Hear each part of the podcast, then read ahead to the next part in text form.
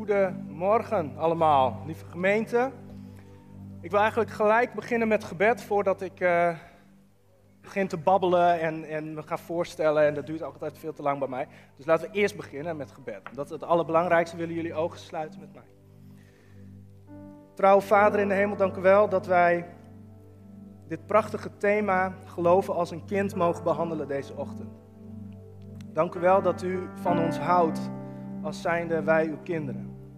Dank u wel dat wij elke dag weer mogen beseffen dat u onze vader bent. Heer, en toch is het zo belangrijk om deze prekenserie te hebben, want we vergeten soms wel eens dat we in uw koninkrijk mogen zijn als een kind. En vader, ik bid u, wilt u door ons heen werken deze dienst, hoe oud we ook zijn. Of we nou vier, vijf of ergens in de 80, 90, 100 zijn. We zijn allemaal uw kinderen. Heer, en ik bid u dat we dat gaan beseffen. Niet alleen in deze prekenserie, maar elke dag vanaf nu. Heer, en uh, alle wonden die er zijn, waar we net ook voor hebben gebeden, alles wat raakt of triggert op het gebied van kindertijd, kind zijn, ouders. Vader, ik bid u, Heer, dat dat ook deze dienst een plek mag krijgen en dat dat geheeld gaat worden. Dat spreken we uit in geloof met heel veel verwachting. Niet omdat wij dat verdienen, maar omdat we geloven in u als onze papa die dat graag aan ons als kinderen wilt geven. We strekken ons daarna uit en we danken u in Jezus' naam. Amen. Nou, welkom. Ik ben Steven van der Leij. Ik uh, ga hier uh, zelf officieel naar deze gemeente, vaak ook wel naar de centrumlocatie. Dankjewel. En ik heb het voorrecht om deze um, prekenserie af te trappen. En ik heb zelf drie kinderen. Dus toen ik gevraagd werd om deze preek te doen, dacht ik, nou, dat, dat, dat, daar gaan de prachtigste anekdotes uitkomen. Ik kan zo verhalen, boeken, blogs volschrijven met de streken die mijn kinderen uithalen. Maar ook de manier hoe zij geloven en de prachtige, prachtige wijzes. Dus geloven als een kind, zijn als een kind, easy peasy. Dat lukt mij wel. En vanochtend toen stapten wij in de auto. Althans, vier van ons stapten gewoon in de auto.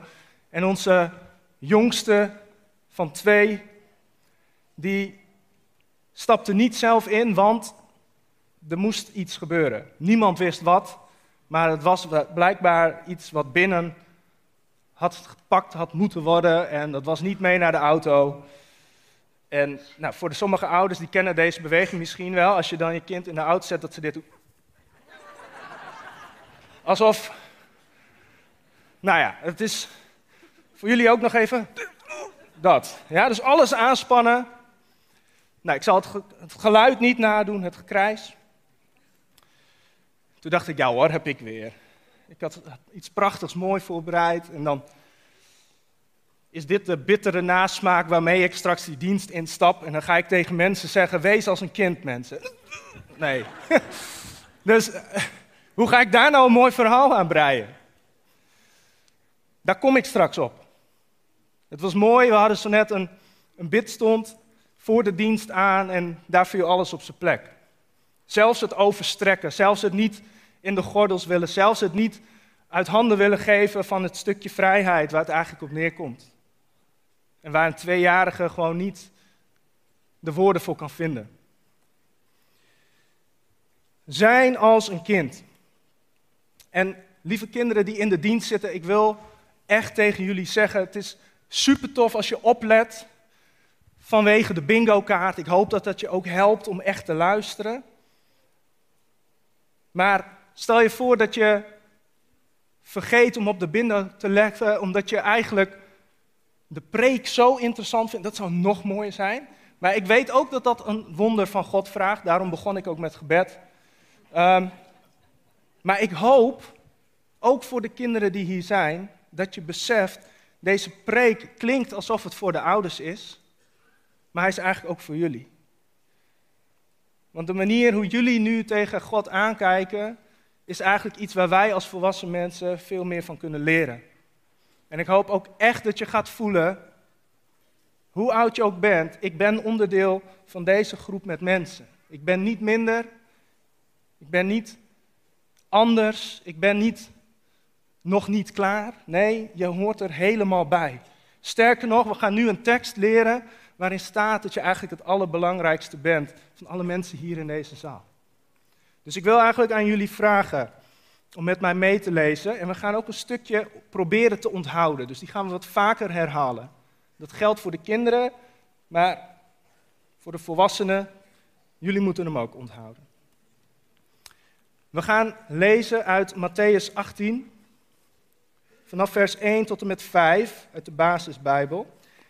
En goed opletten, want bij vers 4, die gaan we even een paar keer herhalen. Op dat moment kwamen de leerlingen naar Jezus toe en vroegen hem: Wie is de belangrijkste in het koninkrijk van God? En Jezus riep een kind naar zich toe. Hij zette het kind midden in de kring en zei: Oké, voordat ik verder lees, ik wil vragen: alle kinderen, willen jullie even op de stoel gaan staan?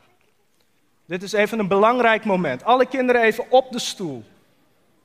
Want we zitten niet in een kring, dus ik kan jullie niet in het midden zetten. Maar lieve,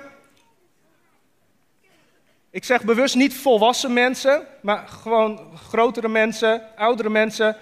Kijk even om je heen. Kijk even naar deze prachtige kinderen. Dit is wat Jezus deed. Hij zette een kind in het midden en hij zei het volgende. Wil je ja, nog heel even blijven staan? Blijf staan. Dit gaat over jullie. Luister goed, ik zeg jullie, als jullie niet veranderen en gaan geloven zoals een kind, zullen jullie het koninkrijk van God niet kunnen binnengaan. Volgende tekst. Die gaan we even met z'n allen een paar keer herhalen. Ik lees hem één keer voor en dan gaan we hem in stukjes knippen. Mensen die net zo willen zijn als een kind, zijn de belangrijkste mensen in het koninkrijk van God. We gaan het even proberen. Zeg mij maar na. Mensen die net zo willen zijn als een kind. Zijn de belangrijkste mensen in het koninkrijk van? Nee, je moest mij herhalen.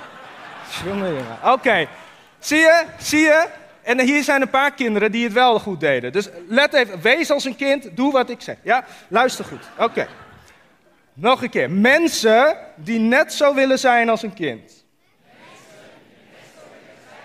Oké, dat kan iets harder. Zijn de belangrijkste mensen. In het koninkrijk van God. Oké, alle volwassenen ook gaan staan nu. Ja, uit volle borst. De, oh, de kinderen zijn niet verdwenen, maar die zijn nu allemaal even lang. Oké. Mensen die net zo willen zijn als een kind. Zijn de belangrijkste mensen. In het koninkrijk van God. Amen. Geef even een groot applaus voor de kinderen om je heen. Goed gedaan. Jullie mogen allemaal gaan zitten.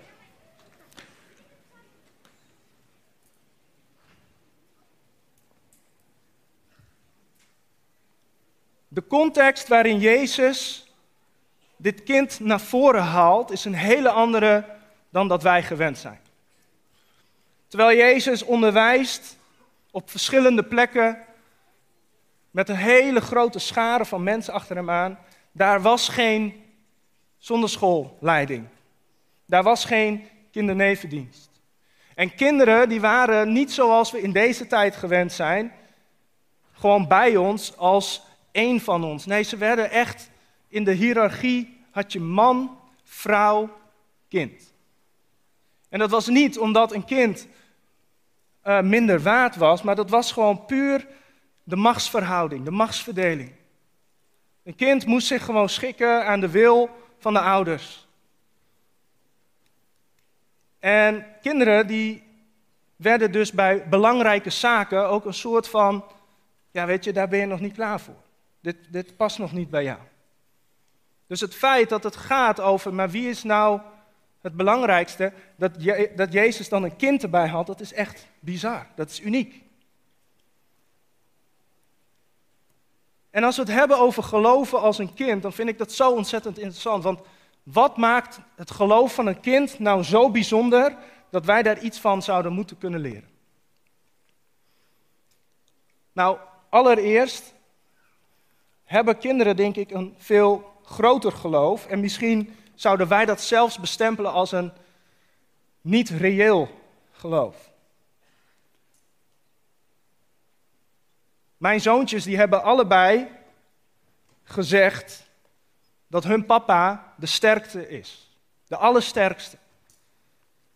Nou, in de context van de kerk, nou, misschien klopt dat ongeveer, maar van de wereld niet. Dat weet ik zeker. Nee, grapje. Ik zie je niet boos worden, ik zie een paar hele sterke mannen. Maar um, zij geloofde heilig van ja, papa is de sterkste. En ik merk nu al, de oudste, die is negen, het begint al een beetje besef te komen dat dat misschien niet zo is. Maar hij zegt het af en toe nog wel eens. Maar zij geloven in datgene wat ze zien. En aangezien papa steeds degene is die ze optilt, en zij af en toe elkaar probeerden op te tillen, en dat wou niet, oh, dan moet papa wel de sterkste zijn. Dat is de logische redenatie. Maar kinderen hebben ook een bepaalde creativiteit, een manier van denken, wat je eigenlijk nodig hebt als het gaat om geloven in God. Want wij kunnen wel heel makkelijk zeggen dat God onze gebeden verhoort. Dat God een God van wonderen is. Dat God ertoe in staat is om alles te doen wat Hij maar wil. Alleen vaak kunnen wij dat wel zeggen en beamen en een paar voorbeelden bij bedenken, maar vaak zijn het de kinderen bij wie dan zo'n zin binnenkomt en dan gaat hun brein alle kanten op.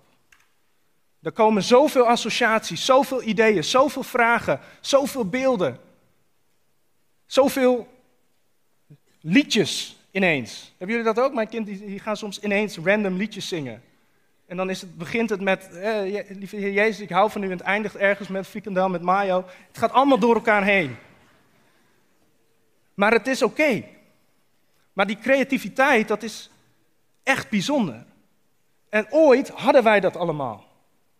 Er is een onderzoeker uh, die voor de NASA een onderzoek heeft gedaan, omdat ze op zoek wilden naar echte genieën die ze mee konden nemen, omdat ja, je kan heel veel van tevoren bedenken, maar als je eenmaal in de ruimte bent en er gebeurt iets, dan moet je creatief kunnen oplossen. Dus daar zochten ze de meest slimme, maar ook de meest juist creatieve mensen voor. En hij had een test bedacht om uh, het divergent denken uit te testen. Dat is een cruciaal onderdeel van creativiteit. En deze man, George Land, die had in 1968 een onderzoek. En waarbij hij dus eigenlijk de vraag stelde, één van de vragen, maar de meest bekende is, wat kun je allemaal met een paperclip? Nou, de gemiddelde persoon hier kan waarschijnlijk tussen de 10 tot 15 dingen opnoemen. Wat op zich al best wel knap is. En dan heb ik het over, je kan een paperclip ombuigen en dan kun je er een vishaak van maken. Je kan een paperclip op een andere manier ombuigen en er een klerenhangertje voor maken voor de kleren van een Barbiepop. Nou, ik zie nu al mensen die al denken, wauw. Nou, kun je nagaan.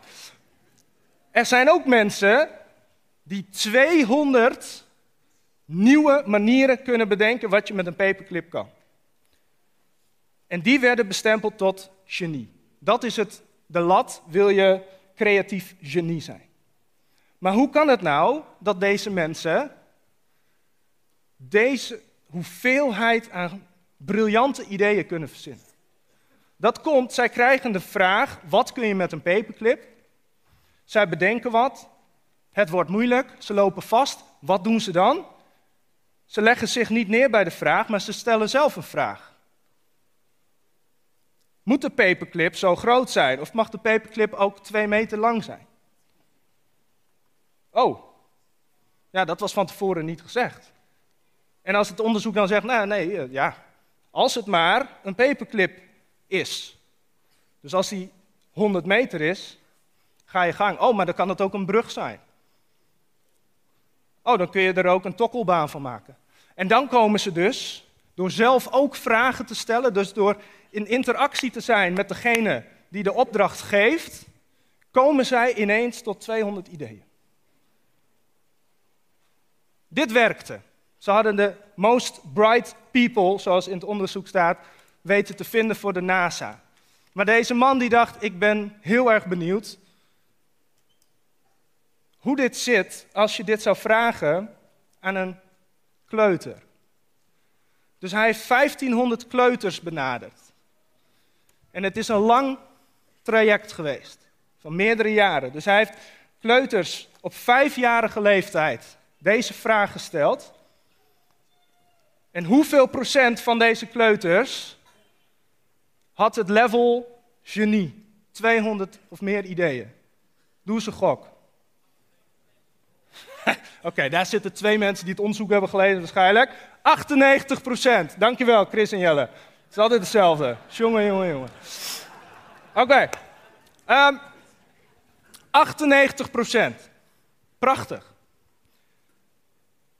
Vijf jaar later. Ik snap ook wel waarom jullie dit onderzoek hebben gelezen. Je zit in de onderwijshoek.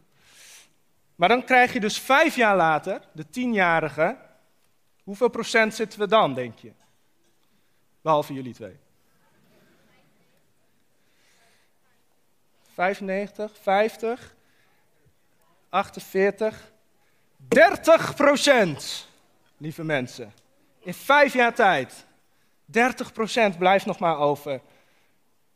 Die in staat zijn tot 200 briljante paperclip ideeën. En als ze 15 zijn, gaat het dan weer omhoog, puberteit? Wees eerlijk, dan weet je alles beter. Ik ook. Dus gaat het dan weer omhoog of denk je dat het verder naar beneden daalt? Als je heel eerlijk bent. Ik hoor, ik hoor iemand van 15 zeggen omhoog, denk ik. Nee, ja, grapje. Naar beneden. 12% blijft er nog maar over. En dan een kleine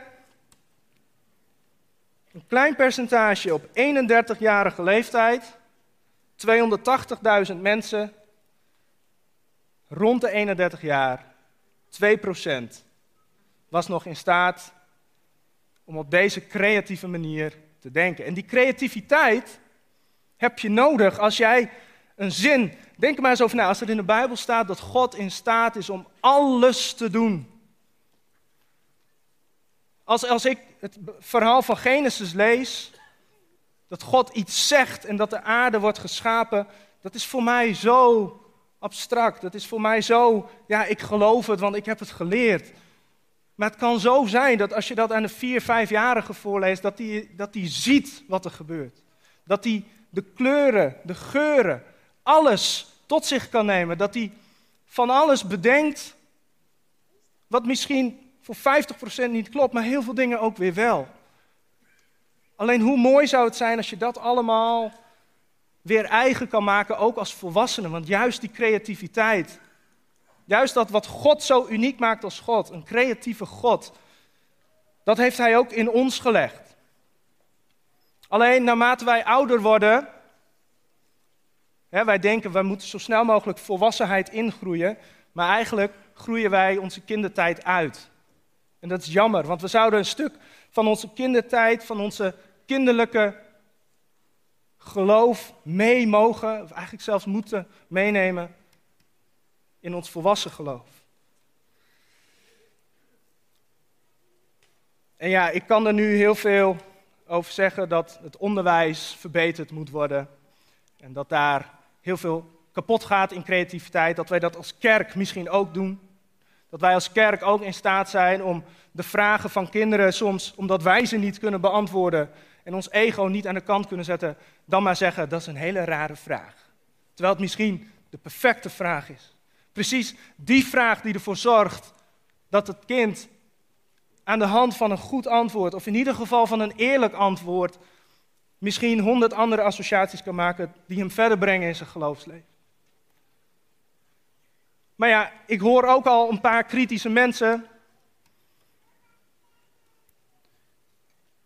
Door de geest hoor ik dat.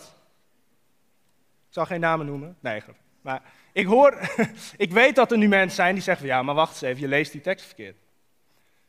Want er staat namelijk niet dat het gaat over geloof. Dat is het hoofdstuk ervoor. Dan gaat het over geloof en dan komt Jezus met de gelijkenis over het mosterdzaadje. Dit gaat niet over het geloof, dit gaat over de positie. Want de vraag is niet, hoe moet ik geloven als een kind? Maar wie is het allerbelangrijkste in uw koninkrijk? Dus ondanks alles wat ik net heb gezegd, waar ik het zelf helemaal mee eens ben, geloof ik ook dat los van dat we mogen kijken naar hoe kinderen geloven, hoe zij een relatie hebben met God of met hun ouders, waar je ook ontzettend veel kan leren. De tekst gaat om de positie in het koninkrijk van God. En dan zegt Jezus iets heel erg belangrijks. Als jij bent zoals een kind, in een context waar het kind het minste waard was, ondergeschikt aan elke macht die daarboven stond. Als jij jezelf klein durft te maken en op die positie durft te gaan staan, dan ben je de grootste in mijn koninkrijk. En ik vond het zo bijzonder dat tijdens het, hè, hier viel alles op zijn plek.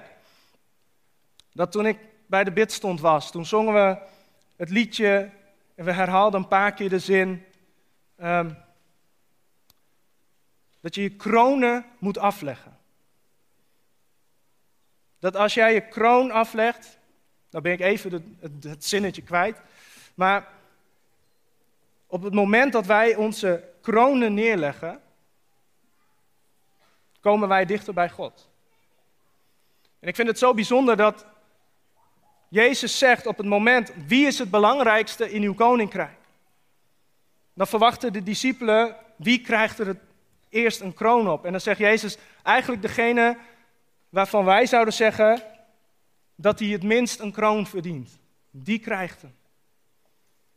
En zijn wij in staat om onszelf zo klein te maken? Zijn wij in staat om alles wat wij hebben geleerd als volwassenen, wat ons zo stoer maakt, wat ons zo wijs maakt, wat ons zo dapper maakt, wat ons zo ambitieus maakt, wat ons heeft gemaakt tot de carrière-tijger die wij nu zijn, die wij nu zijn of tot de, tot de allerbeste CEO van ons eigen bedrijf.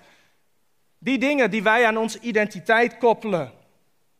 Kunnen wij dat loslaten en dan zeggen: Ik geloof als een kind, maar ik geloof ook in de positie als kind. Ik doe er niet toe. En daarom doe ik het toe. Alles wat ik heb opgebouwd, alles wat ik heb geleerd en bedacht, al die jaren studie. Het is allemaal goed en het mag ook allemaal. Maar het maakt mij niet beter dan een kind. Sterker nog, ik wil graag zijn als een kind. Mezelf weg kunnen cijferen in het koninkrijk van God. Is dat iets waar wij toe in staat zijn?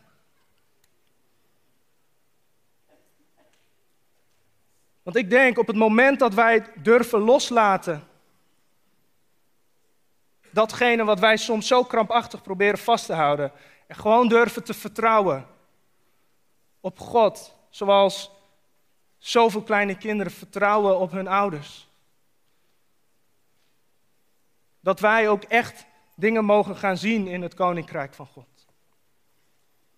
En Jezus, die, die zet dit zo sterk neer door die kinderen gewoon in het midden te zetten. En ik geloof dat wij als kerk ook die kinderen vaker in het midden mogen zetten.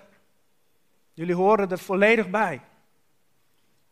En ik denk ook dat wij onszelf vaker in de positie van een kind mogen zetten. Want ik denk dat wij ergens zijn gaan geloven in een leugen dat hoe volwassener we worden, hoe beter we worden.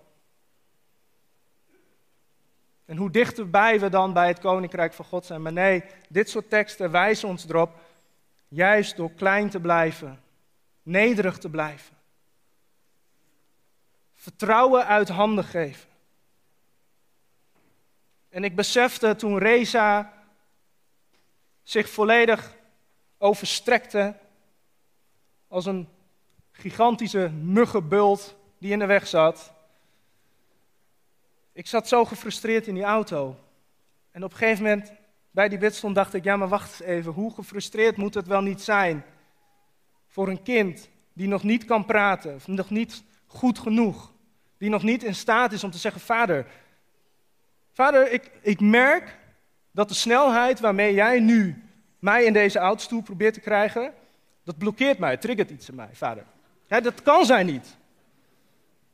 Ik weet, ik weet niet waarom ik dat accent erbij doe trouwens, sorry. Maar, dat, maar uh, zij, zij is nog niet op dat niveau van spreken.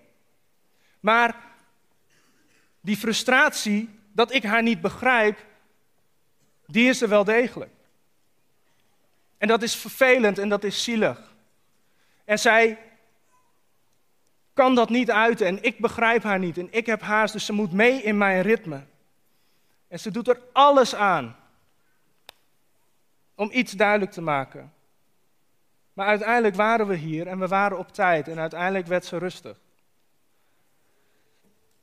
Netflix. Maar dat, dat, ja, dat hoor ik zoveel veroordeling voor sommige mensen. Wees als een kind. Ja? Je weet het niet beter altijd. Maar in ieder geval, ze werd rustig. Maar wat de manier ook was, zij heeft uiteindelijk, hoe je het ook wendt of keert, moeten zeggen: Oké, ik geef op. Ik geef, het, ik geef het op. Papa mag doen wat hij denkt dat goed is. Mama mag doen wat zij denkt dat goed is. Dat spreekt van ontzettend veel vertrouwen. Onbewust bij zo'n klein kind.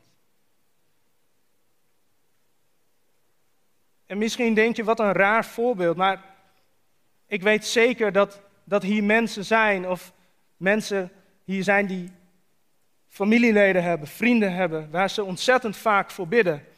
Omdat dat mensen zijn die ooit een moment in hun leven hadden dat God iets in hun leven aan het doen was, maar dat die mensen zich overstrekten.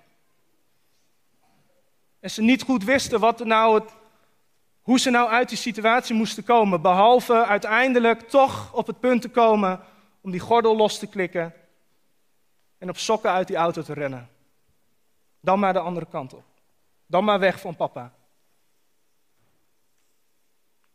En ik denk dat velen van ons, zelfs als we nog in de kerk zitten en zelfs als we nog geloven, zoveel momenten hebben waarop God ons met alle liefde en met heel veel duidelijke, logische, goede redenen die wij niet snappen, ergens in een autositje probeert te krijgen. En wij dus zo'n kabaal maken om daar niet in te hoeven. En sommigen van ons zelfs dan maar gewoon de gordel losklikken en eruit stappen. Kunnen wij op een gegeven moment zeggen: Oké, ik vertrouw op u. Nou, gelukkig kan ik ook een voorbeeld geven van Reza op het moment dat zij dit wel doet.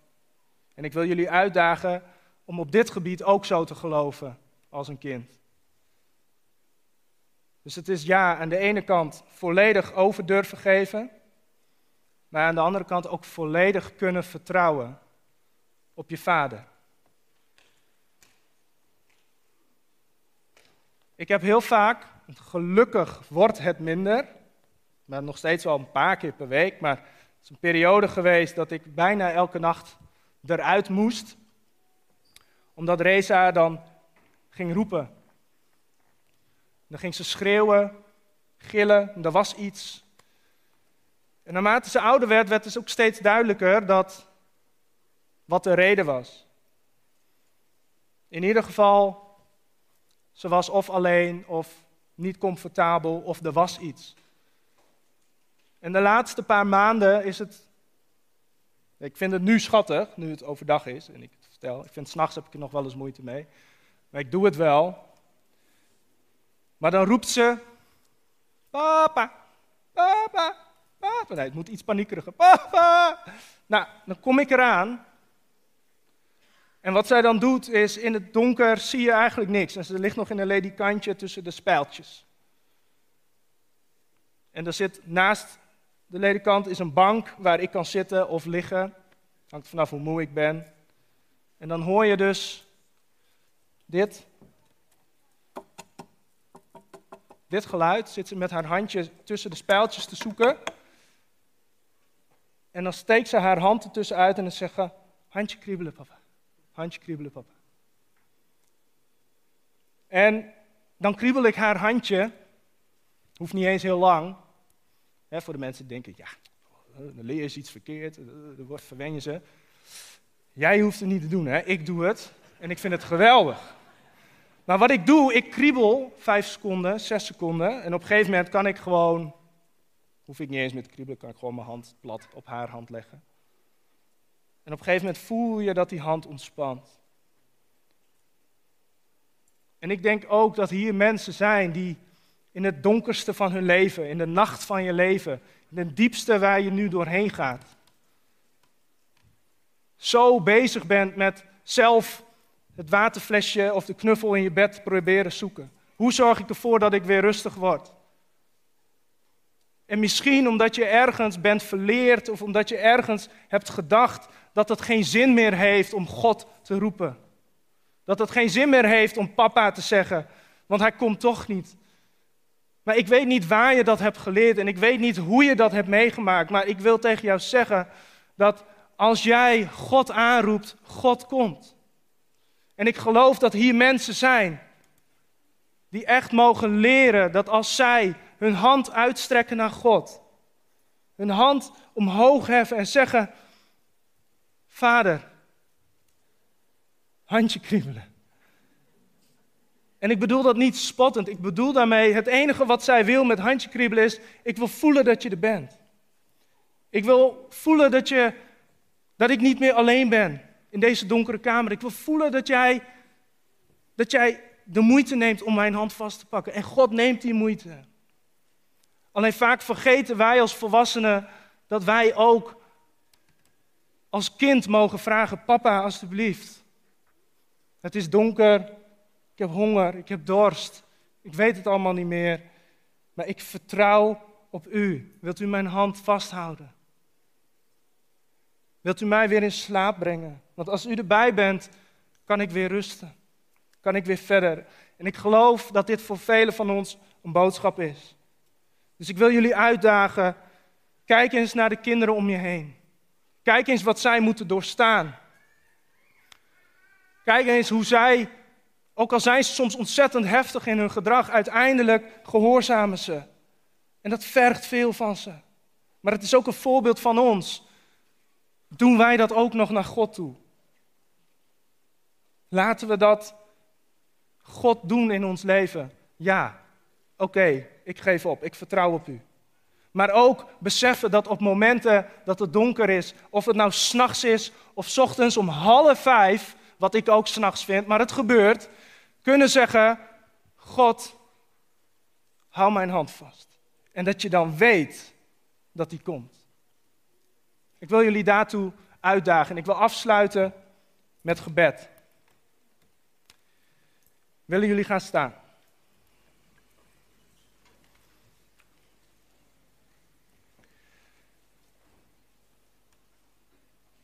God werd een kind. Besef je dat goed? God werd zelf een kind door Jezus. En Jezus werd ook in kwetsbaarheid geboren. En ondanks dat Jezus, en dat vind ik een prachtig verhaal, en ik ga echt richting de afsluiting, maar het schiet me nu even te binnen. Jezus die, komt als kind naar de wereld en hij groeit op. En ik hoop dat dit een bemoediging is voor alle pubers in de zaal. Er staat namelijk in de Bijbel dat Jezus zonder zonde was. Maar er staat ook in het verhaal in de Bijbel waarin duidelijk is dat Jezus even een puberaal momentje heeft. En blijkbaar is dat dus geen zonde om te puberen. Het hoort erbij. Ik zie ouders denken, waarom zeg je dit nou? Nou ja, het, het is bijbels. Ja? We lezen in, uh, in Lucas. Kun je het verhaal lezen dat Jezus kwijt, kwijtraakt in de tempel. Lucas 2, vers 46. Drie dagen zijn Jozef en Maria Jezus kwijt. Drie dagen. Tijdens een gigantisch feest. Het is alsof je je kinderen drie dagen kwijt bent op een festival. En uiteindelijk vinden ze hem. Hij is twaalf jaar. En daar zit hij. Niet huilend, niet zoekend naar zijn ouders, geen spijt. Nee, gewoon, ja, ik zit hier chill, doe mijn ding. En ze vinden hem en ze zeggen: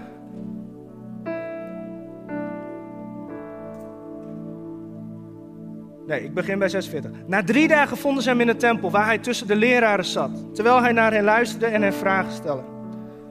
Alle die hem hoorden stonden versteld van zijn inzicht en zijn antwoorden. Dus hij, hij zat daar gewoon een beetje wijs te doen en hij was ook wijs. Hoe irritant is dat als je drie dagen je kind aan het zoeken bent?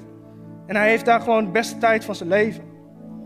En toen zijn ouders hem zagen, waren ze ontzet. Dat is een ander woord voor boos, pissig, heel erg verontwaardigd. En zijn moeder zei tegen hem: Kind, wat heb je ons aangedaan? Je vader en ik hebben met angst in het hart naar je gezocht. Maar hij zei tegen hen: Hoezo heb je naar me gezocht? Ja, dat, dat is de nog vrijer vertaling. Maar er staat: Waarom heb je naar mij gezocht? Dus daar komt het op neer. Hoezo? Waarom? Wist je dan niet dat ik in het huis van mijn vader moest zijn? En ze begrepen hem niet. En toch gaat Jezus weer mee. En er staat zelfs in de Bijbel. Hij reisde met hen terug naar Nazareth en was hun gehoorzaam. De zoon van God was eigenlijk al op 12-jarige leeftijd aan het doen wat heel veel pubers ook doen. Je komt dan los van je ouders. Dus ondanks dat je, als ik jullie uitnodig van wees als een kind, dan bedoel ik dat geestelijk. Want je gaat op een gegeven moment gewoon door het proces en je wordt volwassen en je moet afstand nemen van je ouders als je opgroeit. En dat is helemaal oké. Dat deed Jezus ook. Maar uiteindelijk is hij op één manier altijd kind gebleven. Altijd de zoon van zijn hemelse vader. En dat zie je in alles terug. Je ziet dat in de creativiteit van zijn kindgeloof. De manier waarop hij associaties heeft en gelijkenissen maakt, laat zien dat hij een kinderlijk geloof heeft. Maar je ziet het ook in het vertrouwen wat hij in zijn vader stelt. Je ziet zelfs een moment waarin Jezus in de tuin aan het bidden is. En op een hele respectvolle manier, als het ware, zich volledig overstrekt. Terwijl God hem op zijn in het stoeltje zet om naar de bestemming van de dood te gaan. Dat weet hij en hij wil daar niet heen. Hij smeekt zijn vader, laat dit aan mij voorbij gaan. En hij is zo bang dat het bloed uit zijn poriën zweet. En toch komt hij op het punt, en dat is het kinderlijke geloof, dat hij zegt, maar niet mijn wil geschieden, maar uw wil geschieden. En zijn lichaam ontspant en hij wordt als het ware gewoon in het stoeltje gedrukt. En dat heeft hij voor jou gedaan, dat heeft hij voor mij gedaan.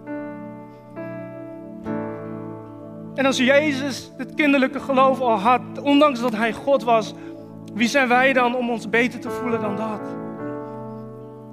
Ik wil jullie uitdagen om met mij mee te bidden en gewoon te zeggen: Heer, ik wil zijn als een kind. In volle vertrouwen op U. Die gewoon zegt: Ja, ik snap het allemaal niet en het is te veel en het is te moeilijk. Maar als het uw plan is, dan schik ik mij. Maak ik mij nederig voor u. En ik wil jullie ook uitnodigen om je gewoon uit te strekken dat als jij in een donkere periode zit, om met mij mee te bidden en te zeggen: Heer, wilt u mijn hand vasthouden? Ik vertrouw erop dat door de spijlen, door de tralies van mijn leven, uw hand daar is en dat u er gewoon bij bent. En dat ik gewoon weer rustig mag slapen. Bidden jullie met mij mee?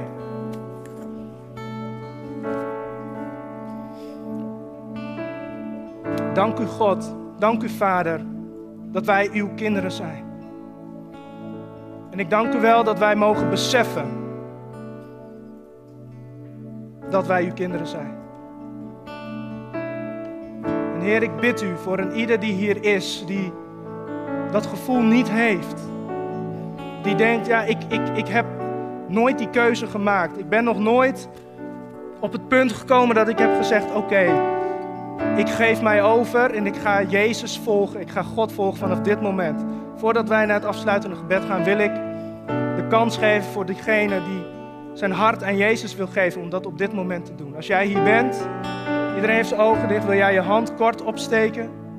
Als jij je hart aan Jezus wil geven op dit moment. God ziet jouw hand aan in het midden. Ziet jouw hand achterin. God ziet jullie handen. Willen jullie kort met mij meebidden als jij je hand hebt opgestoken? Mag je in jezelf met mij meebidden. Heer Jezus, ik geef mijn hart aan u. Ik geef mij aan u over. Het draait niet om mij, maar het draait om u. En ik wil u lief hebben als een kind. Vertrouwen op u op momenten dat het moeilijk is. Want ik weet dat u erbij bent, ook al zie ik het niet. En als ik u roep, dan komt u. En dan houdt u mijn hand vast. En hoe moeilijk mijn leven ook is, en ook al begrijp ik het niet, ik wil mij ontspannen in u. En zeggen: Oké, ik vertrouw u. Amen. En als tweede gebed wil ik voor die mensen bidden die in het donker zijn. Willen jullie mij nabidden? Lieve Heer Jezus. Hoe donker mijn leven ook is. Hoe gevangen ik me ook voel. Ik mag mijn hand naar u uitstrekken. En ik geloof op dit moment dat u die gaat pakken. Dat u mijn hand gaat kriebelen als teken, ik ben er.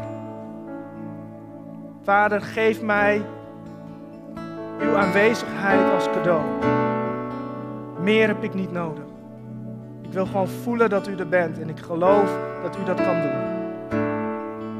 Vader, dank u wel dat u dat gaat doen in de harten van al deze mensen. En dank u wel dat wij uw kind mogen zijn. In Jezus' naam. Amen.